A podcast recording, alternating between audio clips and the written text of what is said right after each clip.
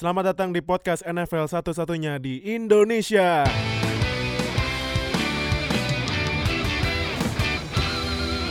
Uh, sekarang kita masuk ke main discussion di podcast nomor 2 ini yaitu Super Bowl 52 review ya. Nah, ini gue megang statsnya dari scoreboard uh, di halftime di halftime pertama kan Philadelphia mimpin 22 12 ya. Nah, abis halftime di third quarter New, Eng, uh, New England Patriots sempat bikin dua touchdown, Eagles bikin satu. Nah, tapi kan di akhir-akhir quarter 4 ya jangan jangan Gak usah diulang-ulang jang, lah. Iya, jangan Strip jangan diulang-ulang. lagi ya. Usah diulang-ulang. Iya. ya, ya seperti lo tahu kan strip sack the only sack tapi the most crucial sack in the game yang tinggal uh, waktunya tinggal 20 menit lagi. Nah, cuman yang yang menarik ini banyak sih yang menarik. Yang pertama nih yang menarik di total ya total yardsnya aja itu totalnya uh, 1100 1151 yards which is the most uh, the most combined offensive yards in any game di semua game NFL ini yang paling banyak combined offensive yardsnya. Uh, kalau di breakdown per tim New England total yardsnya 613 yards. Wow, 613 ya. Gila. Uh, Eagles 538 yards. Nah, cuman ada satu yang mau gue mau bahas nih. Di third down efisiensinya Eagles sama Patriots nih menurut gua agak jauh sih. Eagles dari 16 kali third down dia suksesnya 10 kali. Kalau Patriots dia 10 kali third down suksesnya cuma 5. 50% berarti. Iya 50%, tapi kan kalau Eagles uh, 16 60 something ya. kali 10 sukses berarti kan 60 something. ya. 60 something. Atau Nah, 70 ya. Menurut Bro Bro Fadil dulu deh. Menurut Bro Fadil kan kemarin podcast su bilang uh, third down sama fourth down buat Eagles itu krusial. Ternyata di gamenya kenyataannya bener. Menurut lu apa nih yang bikin uh, mereka sukses converting those third and third downnya dulu, third down dulu buat third down. Nah, Jadi um, kalau dengerin podcast kita yang sebelumnya, wis. sekalian ya. promosi promosi. Gak apa-apa, gak apa-apa, apa-apa. Bisa lihat di SoundCloud, Football Fans Talk, di sama iTunes ya. Kalau dengerin podcast kita yang sebelumnya, um, para pendengar nih bisa uh, bisa bisa quote myself ngomong bahwa Eagles itu sukses third down-nya datang dari first down and second down. Iya. Jadi kalau dilihat dari stat third down efisiensinya tuh yang paling nyolok tuh sebenarnya attempt-nya Eagles di third down Iya. 16 kali. Mm-mm. Jadi Eagles tuh banyak drive yang harus nyampe third down. Iya. Jadi kalau kita lihat Patriots kan mereka cuma third down attempt-nya cuma 10 kali. Ah, Itu artinya banyak drive Patriots yang mereka dapat first down Uh-uh. tanpa nyampe third down terlebih dahulu. Oke. Jadi kalau kita lihat Patriots nih bisa move the chain tuh dengan cepat. Sementara Eagles lebih metodikal. Mereka lebih milih untuk nyicil pelan, pelan, pelan, Hmm. pelan, pelan. Terus kemudian baru convert. Kemudian baru convert. Yang yang menarik sebenarnya ada beberapa fourth down yang krusial buat Eagles. Bukan hanya down. Jadi Eagles krusialnya ada yang fourth down dua kali. Iya. Satu kali itu yang um, earth sketch, Iya, Arts Cuts fourth ya. and one, Uh-uh. dan satunya lagi yang fourth and goal, Philly Philly. Oh my Philly, God. Philly. That gutsy Astaga. call from Nick Foles itu itu jujur ya. Gue sempet bahas juga di Lion Square. Itu menurut gue call play paling seksi tau gak di Super itu itu wow gue gue aja main blown loh walaupun gue Biasa aja sih sebenarnya. oh biasa aja atau karena biasa Lebay. karena Lebay aja sih orang-orang sih. oh, sebenarnya. oh gara-gara Simple play action doang kok. gara-gara sebelumnya Brady nggak nangkep ya Eh, nah ini juga gue lihat di fourth down efisiensi Eagles dua kali fourth down all convert tuh gila ya. Jadi em, menurut Bro Fadil di Super Bowl ini apakah semua tim yang ya in future yang masuk itu harus berani ambil resiko yang tinggi banget atau pertama No, per- gimana gimana gimana? Eagles main secara metodikal Heeh, karena memang mereka mainnya metodikal. heeh, Itu satu. heeh. Kemudian kalau ngelihat cara apa namanya? Cara Pats main offense, you don't have any other choice. Mm-mm. Kalau fourth down-nya nggak digeber, Yeah. you will lose. That's it. Iya. Jadi basically menurut saya ya, Doug Peterson nggak tidak meng, apa, mengalami bingung harus main apa, harus harus nge-kick kah, harus uh, nge-punt kah kalau udah fourth down. Mm-mm. Kalau cuma dengan apa ya ngelihat di gamenya aja, kalau sebagai orang yang nonton langsung, semua orang tahu kalau kita apa Eagles ngelepasin kesempatan untuk maju di fourth down, Mm. it's over. Hmm. Jadi memang kalau menurut saya Doug Peterson nggak punya pilihan banyak ya mau nggak mau harus go for it di fourth Mm, down. mm, mm, mm. Nah, eh, s- terus kita move on to ini ya, kita ke bagian Patriots dulu ya. Apa sih what went wrong with Patriots? Apa sih yang salah? Padahal Brady dia mecahin rekor passing yards dia pas Oh. Super Bowl 51 kemarin loh, 505 505 yards passing passing yards, Yep. 3 touchdown, no interception. Kalau dilihat dari rushing juga rushing sebenarnya biasa aja ya. Biasa aja. Kayak typical Patriots juga Ya, ya. typical Patriots Iya, game. bener. James White cuman 45 yards, ya satu tadi satu touchdown apa. Mm. Dion Lewis 39 yards. Burkhead 18. Di receivingnya leading Denny Amendola 8 kali receive 152 yards. Tapi yang big yang dapat receive touchdown paling banyak itu the Gronkowski ya. Rob Rob Gronkowski. 9 kali receive 116 yards.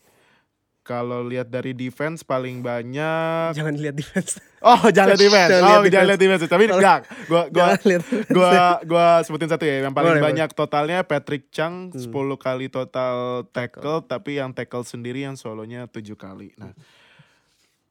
eh, menurut lu nih Bro Tufel. Yep.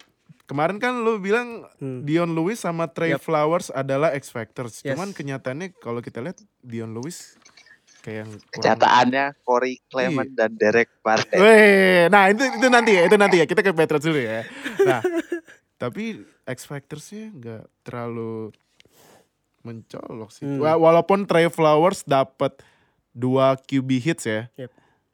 dan dapat satu kali tackle for loss, cuman ya nggak terlalu men- apa nggak terlalu Nggak change, nggak game changing, changing. game nggak- changing. Nah, game changing. kenapa tuh kalau itu? Eh, ya kalau kita ngomongin X Factor ya ini mere- mereka jadi X Factor ya ada alasannya gitu kan. Iya.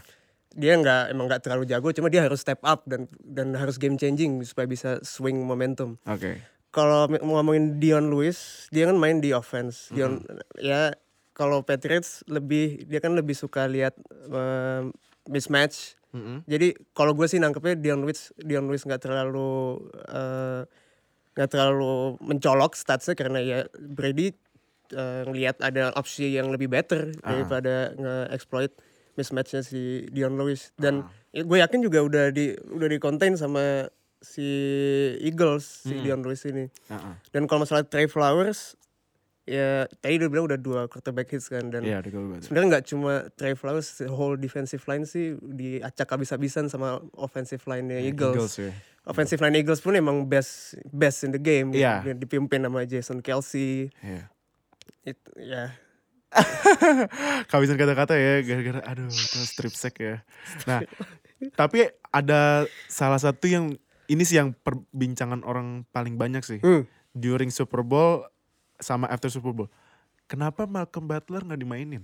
Itu gue yang no, nobar di at Amerika aja kaget loh lihat Malcolm Butler Super Bowl 49 hero tapi tulisannya no snaps tonight. Yep. Itu kenapa? Kan kata mungkin kalau banyak orang bilang itu tactical decision atau up atau malah ada yang bilang Malcolm Butlernya sebelum game ngelakuin sesuatu yang ya yang di luar eh apa ya luar etis, etika atau apa dan lain. Mhm. Nah menurut Bro Tufel kenapa tuh Malcolm Butler nggak dimainin? Ke- sebenarnya gue juga gak tahu kenapa Ah. Malcolm Butler di bench. Heeh. Kan kalau kita tanya sama Bill Belichick sama staffnya dia mereka pun gak bakal mau ngasih tahu Ah. kenapa itu. Nah, tapi nah tapi menurut lu keputusan eh, Bill Belichick yang mainin Stephen Gilmore, Eric Rowe, Eric Rowe sama siapa? Ba- Bademosi. Badimosi menurut lu eh, cocok apa enggak? Nah, Sebenarnya nih menariknya si Malcolm Butler di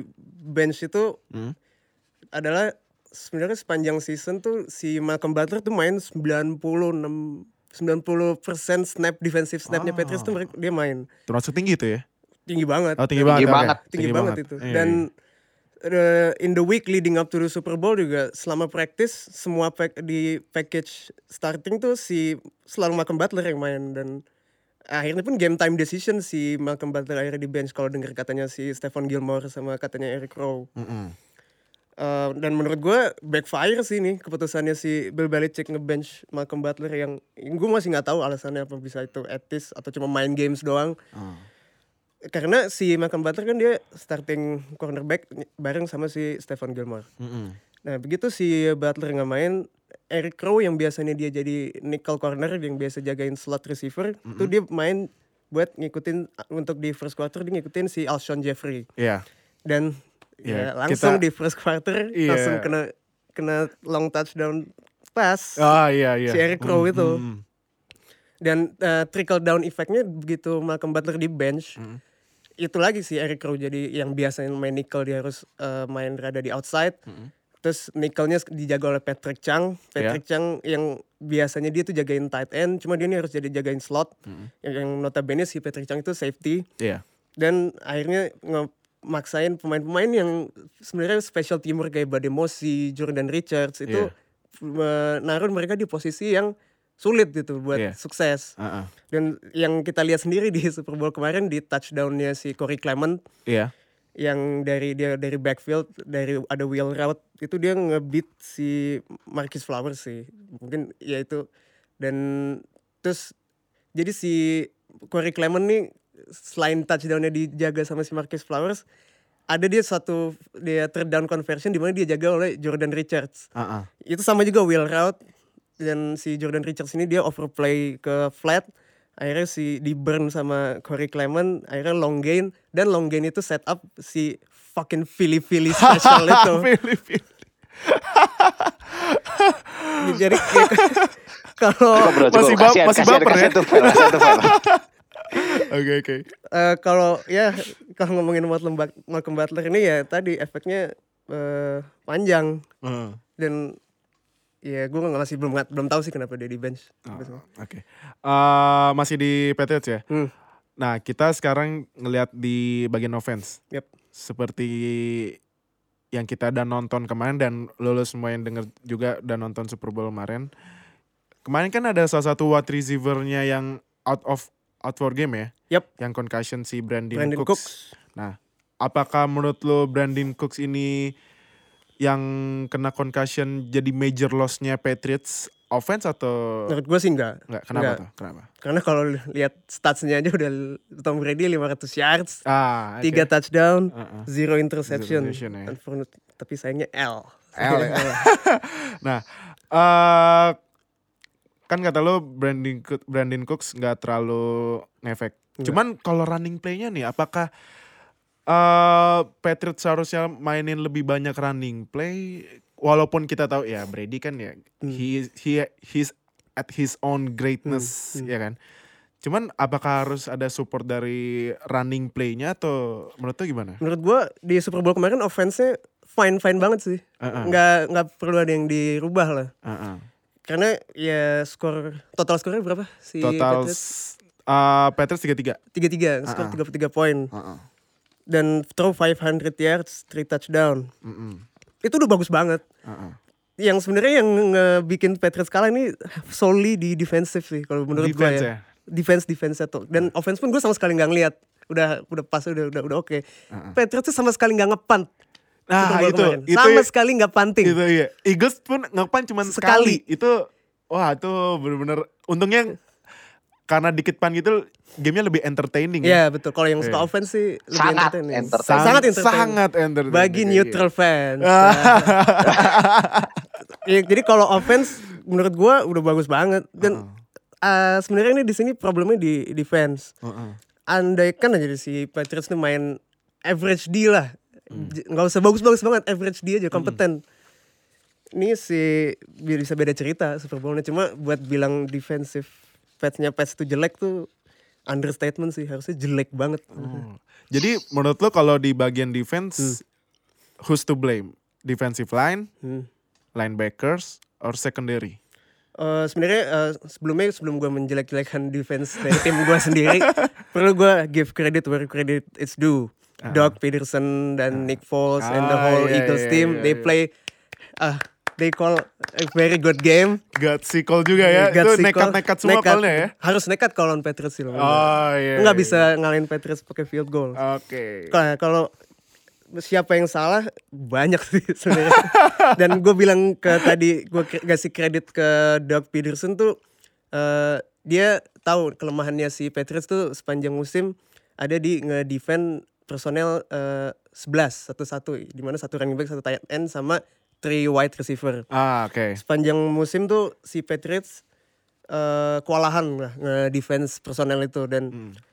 eh, terutama dari personel itu di shotgun formation dan running play. Iya. Si Patriots tuh eh, jelek banget dia di situ. Dia si before sebelum Super Bowl nih Patriots tuh nge-allow 6 yard per carry dari personel ti- tiga wide receiver itu Heeh. shotgun run out of three wide receiver sets itu dia ngelau 6 yard per carry. Heeh. Dan Jay Ajayi kemarin itu 7,2 yard per carry Hmm, di iya, iya. dari shotgun run out of three wide receiver sets itu. Iya iya. Nah makanya gue sangat salut sih sama si Doug Peterson dia nge enforce three wide receiver sets ini. Jadi kemarin tuh 43 s- 43 snap dari Eagles offense tuh dari three wide receiver sets Wah, itu. Dan iya, iya. 70 persennya 70 persen dari total run keluar dari personel set itu. Oh oke oke. Dan oke, emang oke. Eagles emang emang udah biasa ngeran set ini dari karena 60% di run run dia di regular season tuh dari personel one one atau 11 ini. Dan si Patriots pun kalau dihadapi nama personel kayak gini bakal match match eh, personelnya pakai nickel yang 335 Ah, ah.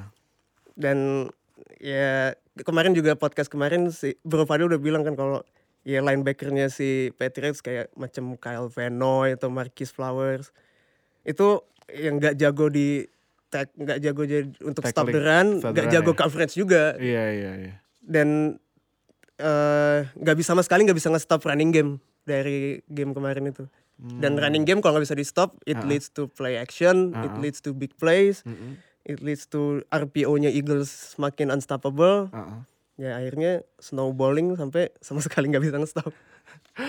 Oke, nah sekarang kita pindah ke winning team ya, ke Eagles. Oke, Bro Fadil. Kalau gue lihat di statsnya Eagles, Nick Foles, uh, 373 passing yards, 3 touchdown, satu interception yang menurut gue interceptionnya ag- agak lucu sih sebenarnya itu. Agak lucky sih. Agak iya, agak I lagi. will take it. Gue juga pas ngeliat interceptionnya, lah ini kenapa bolanya ditabokin ke belakang.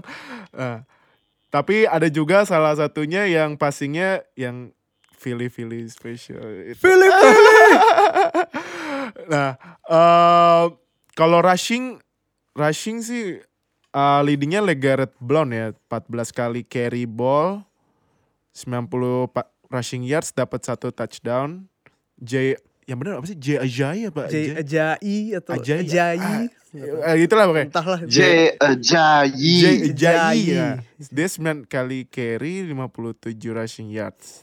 Nah, cuman kalau receivingnya sih, nah ini receiving ada berhubungan sama lu bilang X. X factornya ya. Nah, nah tapi kalau terus kita lihat di defense, ya ya you know lah the last second strip sack ya.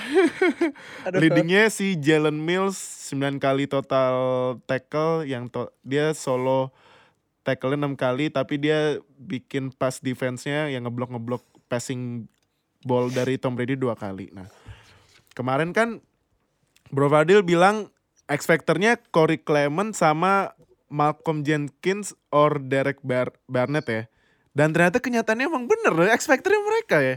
Corey Clement di receivingnya 4 kali receive 100 yard, 1 touchdown. Wow. Yang touchdownnya juga pas di review agak kontroversial Yeah. yang katanya itu kakinya udah out Snare of bounds. Nah tuh. Bubble itu di bubble. Tuh. Nggak maintain possession. Dia nggak maintain possession. Nah, menurut lu gimana nih Bro Fadil? Eh, apakah Doc Peterson emang sengaja ngeset Corey Clement biar jadi di surprising factor atau ya kita sebut kemarin X factor atau menurut lu gimana? Saya rasa enggak ya. Ah, ah. Saya rasa lebih ke hmm, cuma memberi playmakers a chance to make plays. Ah, ah. That's it. Mm-mm. I think that that's what Doug Peterson Mm-mm. lakukan di Super Bowl. Sorry. Super Bowl kemarin. Mm-mm. Seperti yang kita lihat banyak bola yang ke Austin Jeffries yang touchdown yang pertama sama yang interception Mm-mm. itu pokoknya desain playnya adalah alungkeun we bolana lamun kata orang Sunda. Ya udah lempar aja bolanya. Iya iya iya. Lempar aja bolanya suruh si Jeffries make something happen. Iya. Jadi um, kalau yang lebih nuance, lebih apa ya, lebih terstruktur saya rasa Zach Ertz ya mainnya Ah, bagus banget. oke. Terus banyak rute yang didesain sedemikian rupa memang sulit kebuka kecuali Zach Ertz-nya make a play Mm-mm. uh, secara rute. Mm-mm. Kalau mm, yang lainnya game plan mereka stick to what they can do Mm-mm. best running game. Mm-mm. Oh bentar, I have to give credit where credit is due. Jadi kalau apa setelah ditonton secara lebih detail, Mm-mm. uh, uh, di line-nya Patriots itu mainnya harus di give credit. Iya. Jadi nomor 90 ya, Malcolm Brown atau 70? Malcolm Brown 90. 90 bukan. ya. Wah lupa gue. Siapa ya? Lawrence Guy Ya, kayaknya pokoknya- 90. Ya, Pokoknya Gitu ada iya. di tackle satu yang main nose. no Nah, Malcolm mainnya Brown, bagus Malcolm banget. Brown, Malcolm Brown. Ma- main mainnya mainnya mainnya bagus banget. Hmm. Dia nge-fake terus nge-slash ke dalam kuat banget. Tapi Hmm. jadi kemarin tuh yang bisa ngebuat itu nggak kelihatan adalah superhuman effort dari Jason Kelsey. Jason Kelsey tuh Iya. berkali-kali udah kalah, dia recover. Udah kalah, dia recover. Udah kalah, dia recover. Ah, Ada stunt, ada blitz, apa kiri kanan ngilang-ngilang nggak jelas gitu. Mm-mm. Biasa jadi Be- Belichick tuh memang satu keahliannya adalah ngasih blitz dan pressure yang terlihat eksotik, yang kelihatan tuh nggak jelas banget dan arahnya tuh beneran nggak terduga. Jadi si Jason Kelsey ini berkali-kali ngebuat play yang nggak kelihatan di kalau kalau nggak bener-bener dilihat nggak masuk stat. Ah. kalau kita cuma nonton highlight nggak kelihatan tapi kalau nonton bener-bener dia tuh berkali-kali unsung hero kali ini offense-nya Eagles adalah Jason Kelsey Jason Kelsey. dan Iya. Stephen Wisniewski Wisniewski, Ya, itulah. itu.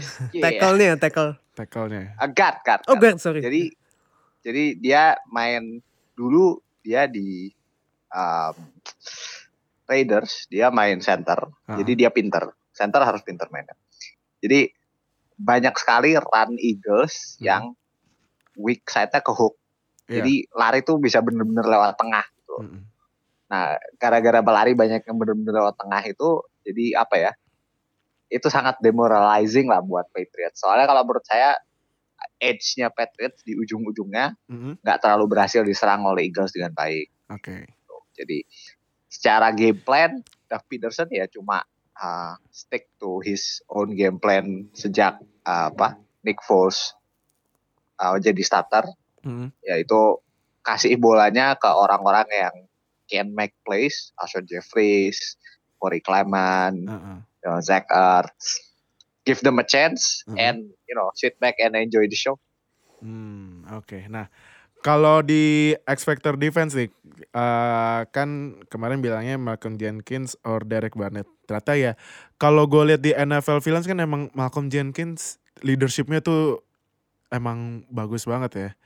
Dan Derek Barnett kemarin dia yang ini ya, yang recover Recover fumble. recover fumble ya. Wow. Nah, Gak lihat gue. eh, Gak ada. nggak ada. langsung in- langsung ini ya amnesia ya langsung, Langsung ini. apa itu strip sack kemarin? Eh, Menurut lu eh, kalau Derek Barnett kan ya karena dia eh, recover ya. Cuman gue mau nanya yang Malcolm Jenkins nih. Eh, Sebenarnya gimana, gimana?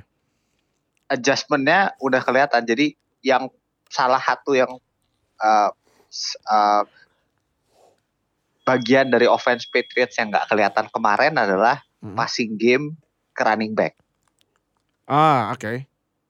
Jadi yang kan semua orang kiranya Malcolm Jenkins akan match pertama lawan Gronk. Ah, Ternyata sama Jim Schwartz. ah, Jim Schwartz nganggapnya bagian yang lebih penting untuk offense Patriots daripada pass ke Gronk ya. adalah passing ke running back. Ah, ah. Sehingga yang kemarin terjadi adalah Malcolm Jenkins nggak nge-cover Gronk. Ah, Dia iya. nge-cover running back. Iya, Dan Gronknya dibiarin di-cover sama yang lainnya. iya. Jadi, Ah, ah. dan bisa dilihat efeknya adalah, ya kan kemarin di Super Bowl nyaris nggak ada Patriots yang biasanya Dion Lewis lah keluar lah, Mm-mm. Pak James White keluar lah, Iya. atau kadang-kadang Rex Burkhead lah keluar lah. Iya. Nggak banyak kayak kayak gitu kejadiannya nggak kayak sampai Corey Clement ngeburn Mm-mm. Pets untuk 100 yard dan satu TD gitu. Jadi, he did his job. Dia mengambil satu komponen passing dari New England yang jadi kalau New England dibiarkan ngepas ke running back-nya, mm-mm. New England akan main kayak kemarin Eagles main, methodical. Mainnya Ah. tuh maju sedikit, sedikit, sedikit, sedikit. Iya. Kalau kemarin saya rasa New England majunya lebih gede daripada biasanya mereka maju-maju. Ah. Jadi mereka lebih cepat tempo maju down the field-nya tuh lebih kencang gitu karena mereka banyak ngepas lebih jauh Mm-mm. Yardage-nya lebih jauh lebih gede. Mm-mm. Soalnya target mereka Gronk biasanya lari ke bawah Iya. atau Amendola sekalipun dia nggak bener-bener di bawah mainnya ya nggak nggak sekitar 5-10 yard gitu mungkin sedikit lebih banyak tapi mainnya di tengah tetap kalau Amendola. Mm-mm. Jadi gitu. Jadi saya rasa si Jenkins ini bisa merubah nature offense-nya Patriots dengan ngilangin passing game ke running back. Dan tadi yang seperti lu bilang kan tadi eh, karena Jenkins ada adjust adjust jadi dia nggak ngejaga Gronkowski kan. Em, Kalau dilihat di stat juga Brady nargetin ke Gronkowski 15 kali. Wow, paling tinggi dibanding teammate yang lain. Kalau yang di bawahnya Gronkowski itu Amendola ditargetin ditarget bolnya sama Tom Brady 11 kali. Nah, em, Running back, running back, running kalau back running back Rex Burkhead cuman sekali. Cuman sekalinya itu 46 yards, 46 yards Oke. receiving. Kal eh, terus James White 6 kali target, dia nge-receive cuman dua. Dan satu lagi Dion Lewis nggak ditarget sama sekali. Iya. My X Factor. you failed me, Dion. Oke, em, nah sekarang gue mau bahas di sisi coachnya ya. Menurut lu eh gimana sih itu gutsy gutsy yang play play call nekatnya Doug Peterson? Apakah eh, akhirnya ketemu juga resep buat ngalahin Patriots itu adalah eh, call play play yang nekat menurut lu? Ini nanya siapa nih? Gua. lo lo berpadu. Ahem, enggak ya. Kalau menurut saya resep kalahin Patriots itu adalah membagi workload ke semua tim. Ah, Dan itu yang dilakukan oleh Eagles. ah, ah, Antara satu karena quarterback bukan Carson Wentz. ah, ah.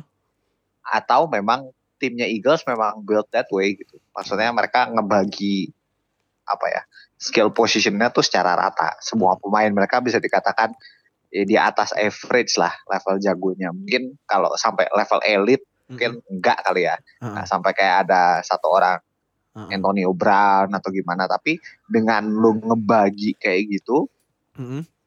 Belichick kemampuan ngejasnya kan salah satu kemampuan paling baik dari Belichick adalah apa pun yang kamu lakukan paling bagus akan diambil oleh Belichick. Dia Mm-mm. nggak akan ngebiarin itu terjadi dan tim lawan akan ditantang untuk mengeksekusi offense selain dari itu kan. Iya. Nah dengan dengan bisa ngebagi apa offense ke semua pemain offense dengan Mhm. membagi workloadnya Iya. itu akan membuat Belichick defense lebih sulit.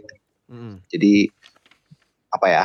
Ya gitulah. Pokoknya kalau menurut saya blueprint ngelawan Patriots adalah itu. Jadi running game strong, terus kemudian sisanya itu dicoba serata mungkin, nggak Hmm. sampai apa? Nggak sampai hanya bergantung pada satu dua orang lah. Mm-mm. Karena kalau hanya satu dua orang, Pats bisa nge-adjust dengan baik untuk ngebuat ngenetralin orang itu. Hmm. Oke, em, menurut lo performance Nick Foles itu kemarin eh apakah dari performance itu Nick Foles harus cari tim lain atau tetap jadi backupnya Wentz tapi dia minta bayaran tambah? Tergantung ya, biasanya kalau sebagai pemain, mindsetnya adalah nggak banyak dapat kesempatan, terutama di NFL ya, nggak banyak dapat kesempatan untuk cash in. Mm-mm. Jadi kalau sebagai pemain murni, sebagai pemain, Mm-mm. yang pertama kali harus dilakukan adalah securing future. Ah, Jadi kalau sesama pemain ngomong dengan Nick Foles, pasti mereka ingin bahwa Nick Foles itu nyari duit segede-gedenya sekarang. While Hmm. it's hot. Tapi secara karir, Mm-mm. secara karir, his best fit itu di Eagles. Ah, Karena Eagles ini punya koleksi talent dan coaching staff yang Mhm. memungkinkan dia buat main football dia yang paling bagus. Yaitu Hmm. dia nyebarin bolanya ke semua playmakernya dia tadi itu. ah. Gak banyak tim yang bisa main kayak Eagles gini. Mm-mm. Gak banyak tim yang punya receiver dua jago, receiver slot jago, Mm-mm. tight end banyak jago, Mm-mm. running back bisa macam-macam, tiga pula. Mm-mm. Terus offensive line-nya bagus. Gak banyak tim yang punya kayak gitu. Mm, Oke. Jadi it's well ya nggak ada yang salah dari pilihannya Nick Foles. Kalau dia pengen stay di Philly, ya why not gitu soalnya. Dan dia nggak jadi starter pun nggak masalah. Atau kalau misalnya Carson Wentz cedera lagi terus dia juara lagi, ya gimana kita mau nyalahin dia juga atas pilihan itu kan. Ah, Tapi ya itu tadi sebagai pemain biasanya yang yang dipentingkan itu adalah si kestabilan finansial. Jadi mungkin maybe he will mungkin mengetes tes the water lah hmm. seberapa banyak he can get paid. Tapi emang eh, Browns gak butuh QB nih. Itu, itu kan Nick Foles kan bisa tuh diajakin ke Browns. Ah, well ya clearly speaking ya Heeh. Nggak bagus buat Nick Foles ke Browns other than the money. Ah, Only the money is good for him. Dan I don't think Cleveland Browns is doing the right business to lure Foles ke Northeast Ohio. Mm-mm. Karena the firepower simply is not there. Mm-mm. Maksudnya kalaupun Nick Foles main kayak rambutnya lagi kebakar, playing with his hair on fire, I don't think he will produce as much as he did with Philly. gitu. Ah, ah. Jadi Browns cuma akan ngabis-ngabisin duit, Foles juga cuma akan membunuh karirnya kalau dia pergi ke Cleveland. Oke. Nah, eh menurut lo lagi eh kemarin Nick Foles itu eh ya dia juga ya kemarin kan dapat MVP dan mainnya kalau gua perhatiin sih emang udah kayak Super Bowl ready juga sih. Cuman menurut cuman menurut lo eh yang bener-bener ngebantu Nick Foles biar bikin bukan bikin sih ya ngalahin Patriots itu dari running play-nya atau emang koordinasi receiving-nya rapi? Atau nggak gini deh, sorry, sorry, sorry. gue ganti pertanyaan deh. Menurut tuh running plays-nya Eagles itu eh, banyak membantu Foles atau enggak? Enggak, Enggak. Kenapa? karena yang beneran shining kemarin tuh adalah kemampuan dia nge-convert third down dengan passing. Ah. Dan itu menurut saya itu lebih dikreditkan ke coaching staffnya Eagles. Jadi setelah Eagles uh, Carson Wentz cedera, terus Ah. Nick Foles jadi starter, Mm-mm. terus mereka mainnya nggak bagus-bagus amat. Si coaching staffnya ini ngumpul, Mm-mm. terus Foles-nya dipanggil. Mm-mm. Terus mereka nanya ke Nick Foles, Mm-mm. kamu ini sebenarnya paling enak tuh main tuh kayak apa? Iya. Jadi ada effort lebih gitu loh. Jadi bahkan offense Eagles tuh nggak bener-bener persis sama antara pas Wentz main Mm-mm. dan pas Foles main. Ah. Jadi mereka bahkan uh, banyak ngambil play dari pas zamannya Chip Kelly, waktu Ah. zamannya Foles uh, tahun 2013 ya kalau nggak salah ya, yang waktu dia Pro Bowl. 27 touchdown cuma Dua- tiga interception dua- dalam Dua, satu dua interception, dua interception. dan itu it works gitu. Foles itu memang nyaman main di kayak gitu bola keluar cepat, uh, slant dari luar ke dalam, Hmm. in, nyicil pelan-pelan. Yang penting dia nggak dibebani sesuatu yang terlalu sulit. Ah. Dan itu made possible by receiving core-nya Eagles Mm-mm. emang harus dikatakan superior lah. Hmm. Salah Satu yang bagus di NFL sekarang. gitu. Ah, Oke. Jadi kalau menurut saya sih nggak banyak. Iya running gamenya memang jalan dan kelihatan Patriots kewa- kewalahan. Tapi Foles almost did all all the damage by himself. Mm-mm. Nggak nggak nggak banyak ngaruh lah kata saya run gamenya. Soalnya nggak it's not like apa namanya bola dikasihin terus ke running backnya hand off hand off hand off terus terusan sampai masuk gitu. Nggak nggak kayak gitu gamenya. Gamenya nggak berjalan kayak gitu. Foles made a lot of crucial throws to win the Super Bowl. Hmm. jadi MVP-nya itu sangat well deserved. Nggak nggak hanya nggak dia nggak banyak dibantu lah sama Rakit Ah, ah. Eh, terus gue mau nanya lagi, eh, apakah Nick Foles bisa main kayak gitu? Karena offensive line-nya do their great job jadinya Nick Foles dapat waktu banyak di pocket atau eh, gimana? Hmm, nggak juga sih desainnya offense Eagles memang bolanya keluar cepat Ah, oke. RPO itu ya cuma satu read single read apa bolanya bakal dikasihin ke running back Mm-mm. lempar Hmm, ketika oke. play action juga dia fake dia nggak banyak progression dia nggak banyak hahaha Oke. langsung lempar langsung lempar iya memang offensive line-nya did a very very great job tadi yang sudah saya bahas Jason Kelsey have a superhuman game Heeh. in the Super Bowl tapi yang lebih ngaruh tuh sebenarnya kemampuan receivernya menang right away Heeh. jadi Foles nggak perlu masuk progression tuh nggak perlu oh ini dia nggak kebuka pindah pindah pindah pindah pindah memang dia ngelihat receivernya receivernya kebuka Heeh. jadi kredit lebih ke receivernya Eagles yang memang having ya outstanding game lah Hmm, Oke. Eh, nah, sekarang gue mau nanya Bro Tufel nih, gimana future plan-nya buat Patriots? Yang pertama, apakah mereka harus draft QB lagi atau cari di free agent? Yang pertama settle DC-nya dulu sih. DC-nya ya? Defensive coordinator settle dulu. Heeh. Kalau masalah QB eh Kan Nggak. backupnya Brian, Brian Hoyer Brian nih. Hoyer. Nah, Brian terus- Hoyer pun gue kalau gue ya menurut Ah. gue sih gue cukup content dengan Brian Hoyer jadi QB gue Heeh. karena dia udah punya experience dulu di scheme-nya Patriots sebelum dia ke Browns Mm-mm. dan dia untuk eh, beberapa spell dia nge-backup si Brady itu udah cukup oke lah. Iya. Dan eh, apakah dia harus nge-draft QB? Well, kalau emang ada talent yang bagus ya why not? Heeh. Em, karena kita tahu kan Tom Brady umurnya 40 dan tahun depan 41. Heeh. Dia bilang bakal main umur sampai 45 dan Iya. yang itu gue percaya sih. Heeh. Yakin gue bakal sampai umur 45. Oke, oke. Kan Kalau- ada metode Tom Brady Yap. sendiri ya. Dan kalau nonton seriesnya Tom versus Time di Facebook Watch, Oh iya. itu iya. kita bisa kelihatan sih gimana training regimenya si Brady, Ah. gimana dia di rumah cuma kerjanya cuma watch films doang. Iya. Ya ya gue yakin lah dia bisa bakal bisa main lama.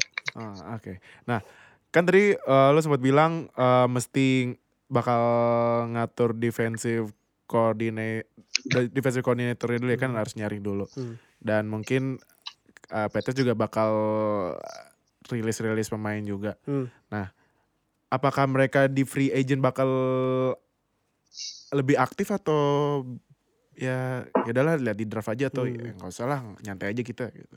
Eh, kalau ngeliat historinya Patriots di free agent, mereka tuh lebih aktif di draft biasanya sih. Oke. Mereka eh, replenish personel mereka tuh lebih sering ke draft karena Belichick tuh lebih suka em biasanya di trade tuh dia suka trading down buat dapat picks. Iya. Jadi buat- jadi nge-increase chance dia buat nge-hit di tiap-tiap picknya dia. Heeh. Dan kalau di free agent eh, sebenarnya tergantung kondisi salary cap sama tergantung kondisi market dari free agent nanti sih Iya. kan kita eh, untuk salary cap per tahun ini udah naik terus nih, naik terus, naik terus. Iya. Dan itu bikin tim-tim itu punya cap space lebih dan bisa nge-spend their money gitu Mm-mm. di free agent. Mm-mm. Yang kita lihat Jacksonville tahun kemarin literally jor-joran buat nge bagusin defense mereka buat Iya. ngomongin AJ Boye, Calais Campbell. Mm-mm. Eh, kalau secara history eh, nggak terlalu aktif, cuma bisa jadi aktif dengan ngelihat ada market di free agentnya itu. Hmm, oke. Eh, terus ba- kita bahas lagi buat yang defensifnya ya kan. Kan eh, Matt Patricia udah jadi Lions head coach. Yep. Siapa yang jadi best candidate Patriots defensive coordinator? eh kalau tentang Patriots sih biasanya mereka selalu hire tuh internal. Mm-mm. Mereka tuh jarang hire outside dari luar organization tuh eh unkarakteristik lah buat mereka. Iya. Kecuali emang udah punya close ties sama Belichick. Iya. Yang macam Greg Schiano, yang walaupun Greg Schiano udah bilang dia bakal stay. Mm-mm.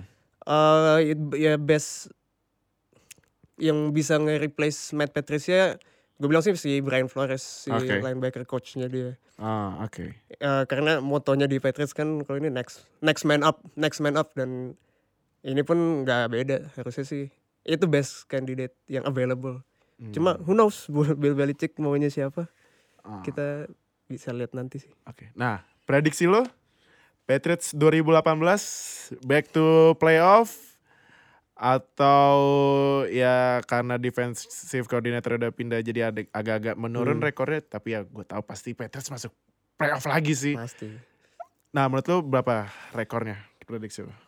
eh karena kehilangan defensive coordinator gue kasih ada biasanya Kan kalau musim kemarin kan eh musim ya musim 2017 kan 13-3 nih. 13-3. Eh 13-3 ya? 13-3 ya. Nah, menurut lo musim 2018 rekornya berapa? Apakah lossnya nambah atau winnya malah ya winnya nambah lagi Hmm. gitu? Menurut lo berapa rekornya? ke menurut gue sih karena si Patriots ini masih main di AFC East yang isinya ada Buffalo Bills Ah, ah. ada sorry ada New York Jets ya itu udah bisa dapat empat wins lah otomatis auto win no, dis no disrespect to all Buffalo or Jets fans Eh, pasti masuk playoff pasti untuk rekor gue yakin eh, tahun depan ada Julian Edelman balik Ya, dan ya. Dante Hightower juga balik Mm-mm. jadi defense lumayan bakal ada reinforcement, offense pun begitu. Eh, starter offense juga Brandon Cooks masih ada, Uh-uh. eh, Gronk juga masih ada, Brady masih ada.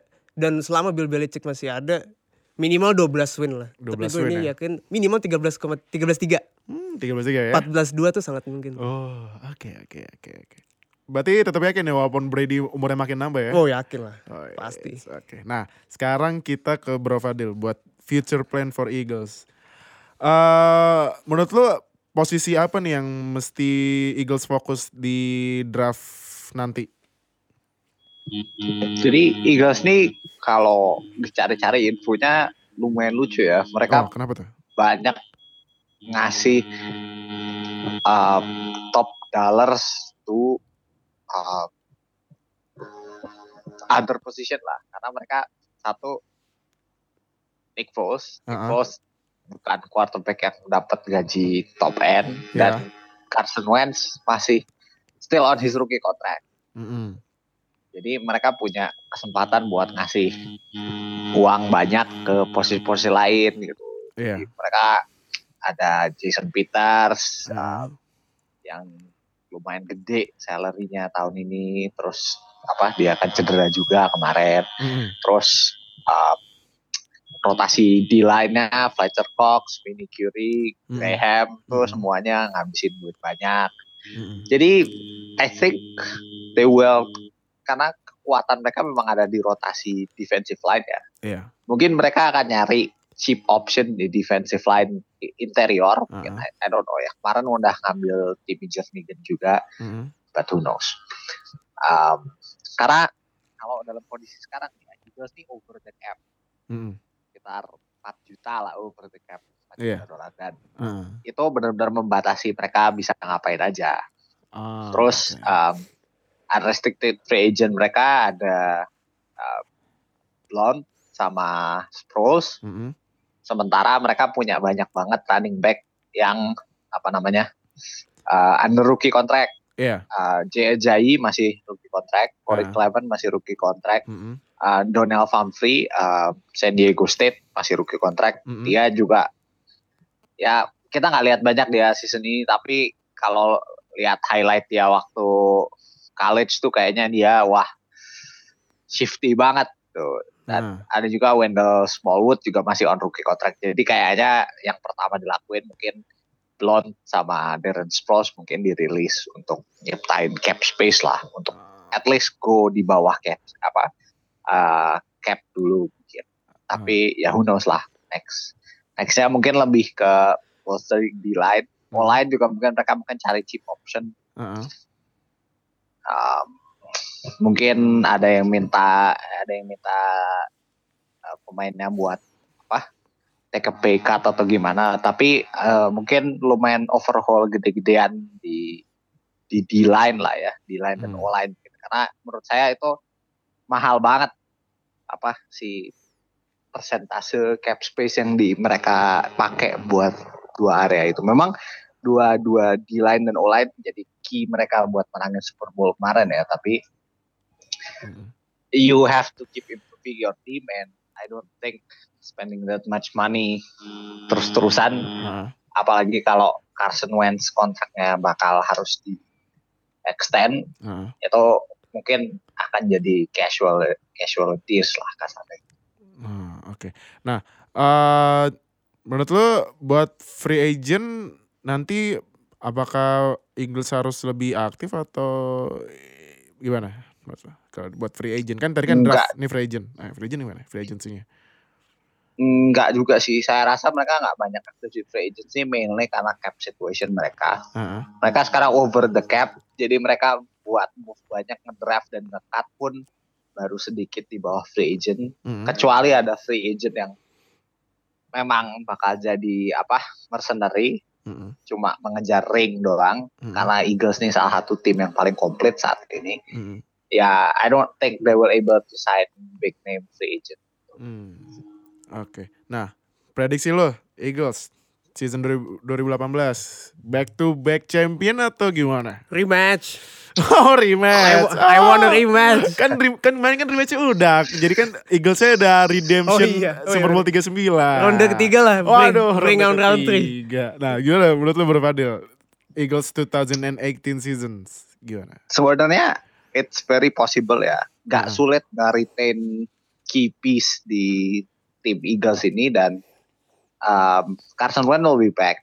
Uh, dan itu itu apa ya itu komponen yang sangat kuat sekali lah. Oke. kalau lihat NFC saat ini tahun ini lah ya kita lihat tahun ini aja. Mm-mm. contender tuh I think Vikes Vikings tergantung apa yang mereka lakuin di offense ya. Ah, John DeFilippo is excellent hire for offensive coordinator that's one. Ah. Um, rekornya berapa rekornya Eagles buat 2018? tahun ini season? 13-3 tahun depan agak nurun mungkin ya atau gimana? Eh, jadi kalau main sebagai Super Bowl champs tuh ada kayak semacam target gitu loh yang di yang dipasang di tim itu jadi setiap tim ketika ketemu tuh main dengan motivasi ekstra oh ini Iya. udah juara tahun kemarin kalau kita ngalahin berarti kita lebih jago dari juara ya Ah, ah, ada semacam itulah ah, ah. jadi I think mungkin mereka slip di beberapa match mungkin Ah. mereka 12 I 12 think ya. sedikit lebih buruk tapi tetap masuk playoff Mm-mm.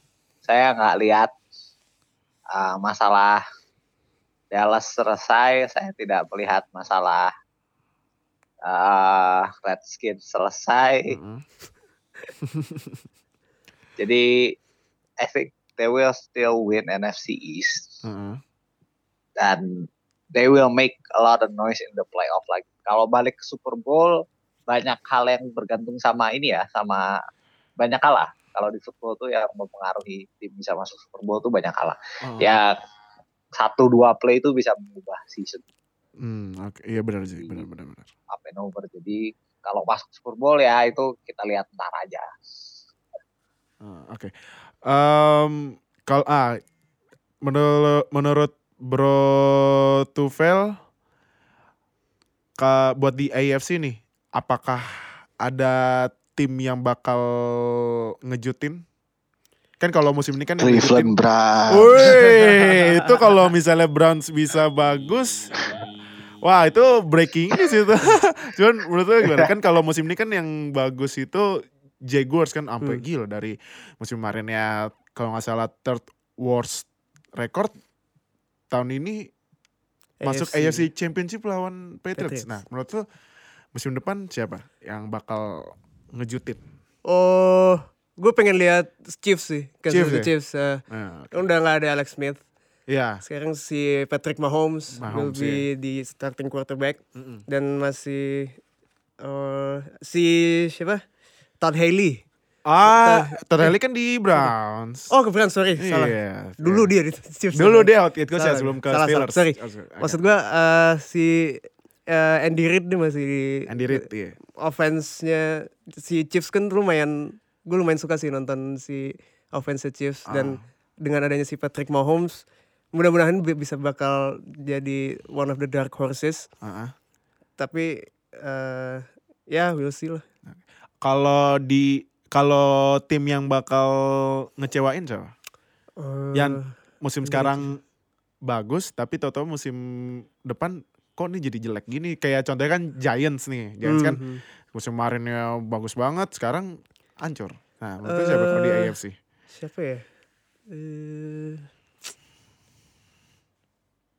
hmm, Steelers eh weh Steelers oh, Nggak, nggak, aduh, bercanda. wah enggak enggak enggak Enggak, enggak, enggak, enggak. Tapi enggak apa sih, enggak apa sih kalau Steelers enggak apa sih.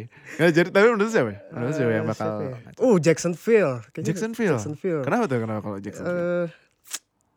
Eh, gue nggak yakin Blake Bortles bakal bakal jadi jawaban di quarterback di AFC sih gue nggak Hmm. kecuali Hmm. Jack Jaguars eh, ngelakuin apa yang dilakuin Doug Peterson kayak Hmm. di Ni- Nick Foles ini Ah, yang kayak yang Bro Fadil bilang dia ngedistribusi eh, workloadnya di position playersnya cuma hmm.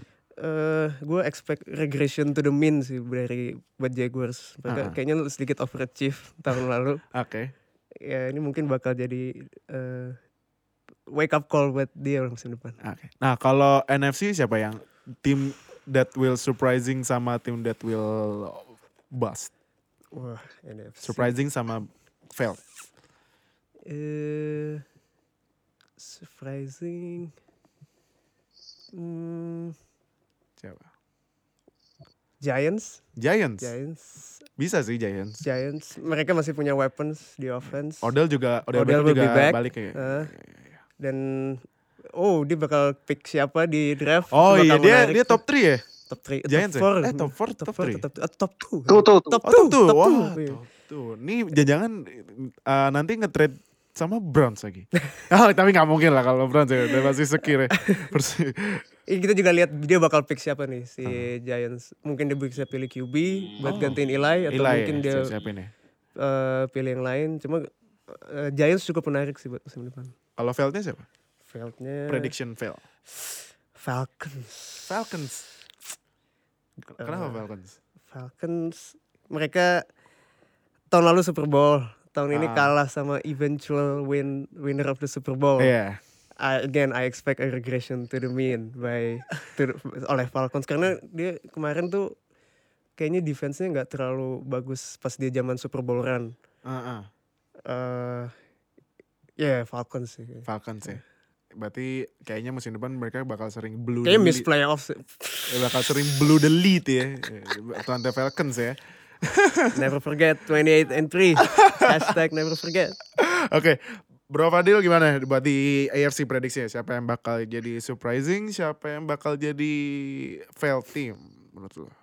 Surprising harapannya Cleveland Browns.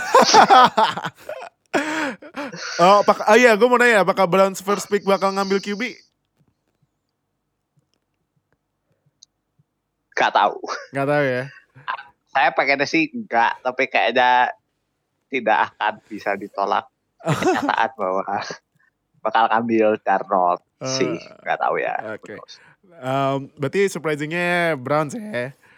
Um, Enggak, enggak, enggak. Oh, siapa, siapa, siapa, in, siapa, all, siapa? se- i- i- in all seriousness, surprisingnya adalah Titans. Oh Titans, oh iya Titans nih Oh. Titans kan ada yang kemarin Mariota juga ya menurut gue pasangan Chiefs keren sih. Nah kenapa Nah, Titans? Titans karena offensive coordinator baru ya. Oh iya Matt iya. LaFleur. Oh, iya. Matt LaFleur ini diambil dari Rams. Jadi dan apa ya? Rams ini membawa semacam gaya-gaya offense zaman now lah kasar. Wih, zaman now. Iya iya. iya. Dan apa? eh, saya rasa skill setnya Mariota bisa harusnya bisa dimaksimalkan oleh LaFleur Ah, dan defense-nya Titans tuh sangat underrated ya. Meskipun kelihatan yang biasa-biasa aja banyak apa difference maker dan dia juga dikoordinatori sama Lebo masih Ah. bagus Hmm. dan saya rasa itu apa em, resep yang cukup lah buat make some noise towards playoff. Hmm, oke. Eh, Veldnya siapa? Vel, Vel tim NF, AFC. Failed FC ya,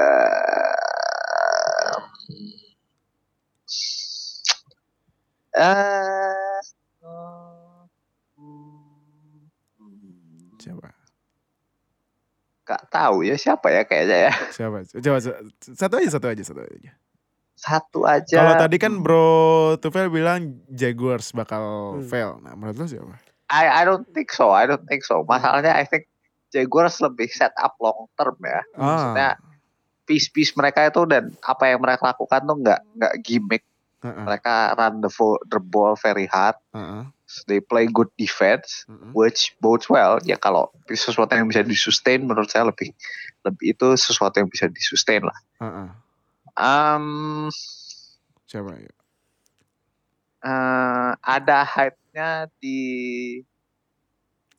Texans, tapi saya rasa Texans entah kenapa feeling saya tidak begitu bagus soal Texans. Ah, kenapa tuh?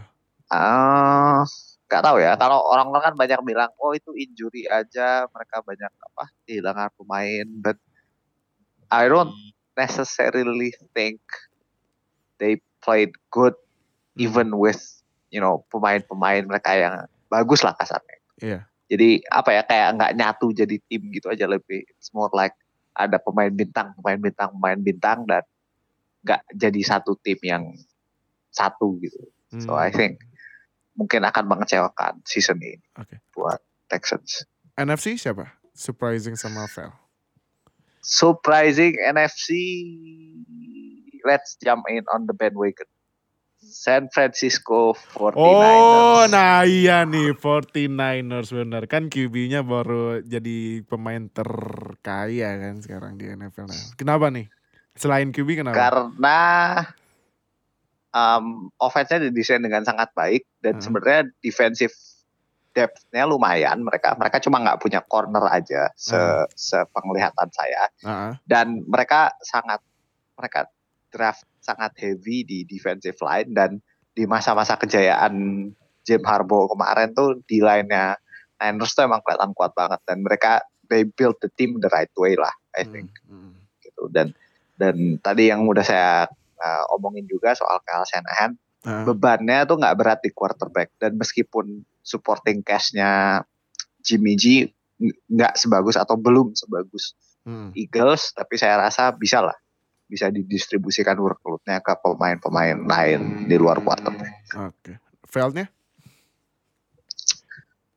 Ah, saya kasih dua deh ya, Oke, nggak apa-apa. Giants sama Cowboys. Giants, Giants berarti dari yang rekor tahun kemarin berapa? Dua, dua, dua empat, tiga, tiga belas ya Ya maksudnya? kan or- orang-orang udah bilang kayaknya oh musim ini apa em, Odell bakal balik, terus offense-nya bakal jalan lagi, bakal Hmm. rebound. Ah, ah. Kalau menurut saya sudah disfungsional itu si Giants nih. Ah, Oke, oke, kenapa tuh? tahu ya udah udah udah udah ada written all over the place that bakal begitulah dan saya rasa um, Pat Shermer yang kok eh, yang bakal jadi head coach Mhm. itu um, offense-nya bukan nggak menarik ya Hmm. udah tua atau gimana gimana ngomongnya ya tidak ya tidak menarik lah Udah basi, Oh, udah basi. Udah masih ya. Dan-. Oke, oke. uh, tipikalnya tuh bukan offense yang bisa ngambil full advantage dari pemain transcendental macam Odell. Ah, oke. Satu lagi siapa? Fel? Kalau Cowboys, oh iya Cowboys ya, bilang Cowboys ya. Kenapa tuh Cowboys? terlalu banyak hype. Ah, terlalu Iya sih. Tiap musim itu selalu Terlalu- banyak hype. Walaupun walaupun mesin depan Ezekiel Elliott balik tetap fail menurut lo, Bro- Fadil. balik. Jadi yang perlu digarisbawahi adalah orang-orang banyak yang nganggep Dak Prescott itu bagus. Iya. Iya sih benar benar benar benar. Kenyataannya tidak demikian gitu loh. Maksudnya Ah. Dia lebih kayak Nick Foles sebenarnya. Selama offensive Hmm. systemnya tuh bagus dan bisa nge-share workloadnya ke sekitarnya, Heeh. dia bisa jadi bagus. Ah, Masalahnya Heeh. Cowboys ini jelek banget supporting cast-nya minus Elliott ya. Mm-mm. Selain Elliott tuh mereka nyaris tidak punya difference maker di luar. Iya. Orang-orang bisa lah ngomong Des Bryant dan segala macam, tapi menurut saya udah jelek banget si Des. pemain di luar. gitu ya. Dan saya saya eh, saya lihatnya Dak Prescott ini Mm-mm. tipikal-tipikal yang mirip dengan Alex Smith, mirip Hmm. dengan Nick Foles. Hmm. Dia tuh datang dari sistem di college di mana memang productionnya itu nggak banyak dia yang generate, banyak di generate oleh skema dan banyak di generate oleh playmaker, skill player position. Oke. Dan sayangnya Cowboys coaching staffnya dan front office-nya tidak membuat demikian gitu. Mereka pengennya rely ke deck gitu dan itu nggak saya lihat bakal terjadi. Jadi despite all the hype, Elliott returns. No, I don't think so. Ah, Oke kalau gitu. eh kita udah di penghujung podcast nomor 2. Tapi sebelum gua tutup, eh jadi gini. Kemarin pas nobar Super Bowl di At Amerika kan At Amerika itu sempat bikin eh, door prize ya door prize dan door prize-nya banyak banget. Eh hadiahnya juga menarik-menarik banget dari topi sampai jersey.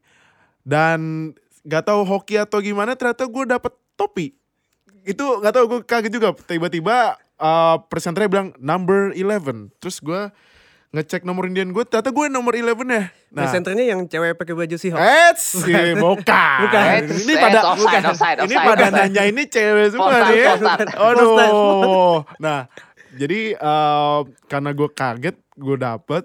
Nah, gue da- maju ke panggung, terus gue lihat nih hadiahnya apaan. Ternyata pas dikasih sama presenternya, "Uh, you you won Eagles hat. Nah, berarti gue uh, menang topi Eagles nih, topi sang juara Super Bowl 52 nih. Nah, cuman kan uh, dari At Amerika bilang topinya lagi dikirim. Nah, uh, gue masih nunggu topinya. Daripada gue nganggurin tuh topi, nah mending gue mau bikin giveaway nih buat kalian semua nih para pendengar podcast. Nah, caranya gimana buat giveaway-nya nanti gue tunggu foto uh, barangnya dulu nyampe di tangan gue kalau udah nanti gue fotoin uh, abis itu gue bakal posting di sosial medianya NFL fans buat uh, cara-cara ininya cara-cara menangin giveaway nah buat bro Tufel sama bro Fadil jangan ikutan ya buat Gue gak boleh ikutan. Gue gak boleh, gak boleh ah ikutan. kalau lu ikutan tadi bakar lagi topinya Gue jadiin keset, gue jadiin lap, cash gue jadiin lap.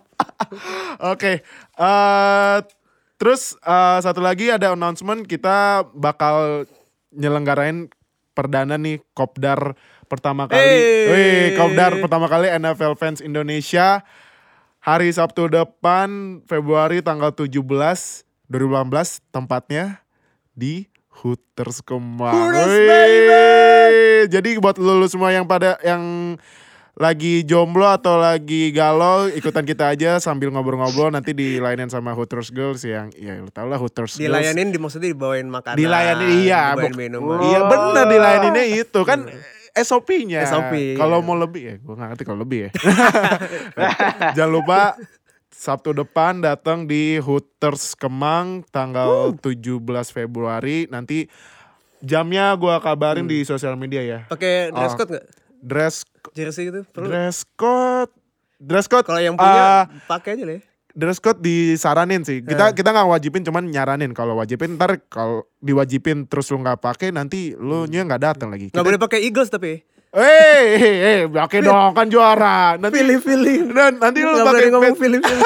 nanti lu pakai Patriots ada ada pakai Eagles bukan yang nikmatin perbincangan malah ribut Iya, ya. Jangan dong. iya, Kalau apa pakai aja pakai semua merchandise NFL yang punya khususnya buat yang apa tim jagoan lu pakai aja kalau nggak nggak punya merchandise NFL nggak apa-apa datang aja yang penting kita kopdar ngumpul-ngumpul sambil ngembangin nih komunitas Yes. Ya.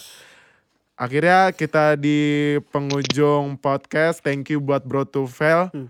yang udah hadir walaupun masih bete ya Patriots-nya udah udah sedikit nggak lebih sakit lah Iya. dibanding Nah, 2007 2012 nih masih oh yang itu ya Giants dua kali ya undefeated season tuh lebih sakit lebih sakit tuh. Dan thank you juga buat Bro Fadil yang udah connect dari Bandung loh gila. Ini ini dedikasinya kita tinggi nih biar buat kita deliver anything for Indonesian Betul. NFL fans ya. Yep. Dan jangan lupa follow Instagram kita di @nflfans underscore ina, Twitter juga @nflfans underscore ina. Line Square juga nih, Line Square Ah, kan Line karena kita lebih aktif di Line Square karena di Line Square kita sering ngobrol-ngobrol, sharing-sharing, sekaligus juga ngejokes, ngirim memes ya, ngirim memes buat fans Patriots. oh my god Kan udah keluar tuh uh, memesnya uh, Patriots Brady di Dead Brady's Dead itu jadinya Foles sama Eli Manning kan udah keluar tuh meme- memesnya Nick Foles sama Eli Manning jadi deadnya Tom Brady. aneh banget aneh banget Uh, Atau tuh- itu ah, hasil search Google lah, hasil search Google. kayaknya, New kayaknya. England Patriots owner. nah, Bro Tufel mau promote sosial media? Eh, at Tufel Muhammad di Twitter, di Instagram juga. Dari podcast kemarin belum ada yang follow kayaknya. Aduh, Gimana? ini Gak kayaknya sampai habis nih berarti nih. ini kayaknya uh, dengerinnya nggak nih sampai habis. Nanti gua ini deh nanti gua bi- apa post di Instastory deh buat sosial media kita deh. Siap, siap. Bro Fadil nggak mau promosi? Enggak, enggak, enggak usah, enggak usah. Gak usah ya, karena bukan influencer ya. Oke, eh, oh iya kan eh, podcast kemarin gue nggak promosi sosial me- sosmed nih. Nah, jangan lupa follow IG gue di @fadilsaputra ya, F A D H I L pakai H. Oke, thank you semua buat yang dengerin podcast ini. Jangan lupa nanti podcast nomor 3 mungkin kita bakal bahas ini ya, draft ya. Draft of season free agency. Ya, draft of season free agency karena kan eh, draft bulan Maret April gue lupa deh. Oh, free agency itu Maret. Maret ya. Kayaknya Maret draftnya April ya. Kayak combine dulu ya. Ah, oh iya aku bakal Combine combine, dulu ya? combine dulu ya. Nah, ah, mungkin nanti di podcast nomor 3 kita bakal bahas ah, prospek-prospek draft buat nanti di pick di NFL draft ya. Oke. Thank you semuanya. Jangan lupa support kita, jangan lupa join Line Square. Search NFL Fans Indonesia. Ah, abis lo search klik join dan jangan lupa klik chatnya karena kalau cuman join doang tapi nggak klik chatnya berarti lo nggak ikutan serunya ngobrol di dalam ya. Oke, stay tune uh, buat di podcast nomor 3 and see you uh, soon. Ya, Thank you TB12 semua. Thank you Bro Tufel, thank you Bro Thank you. Fadil, thank you semuanya ya. Bye. Yo, yo, yo, yo, bye-bye.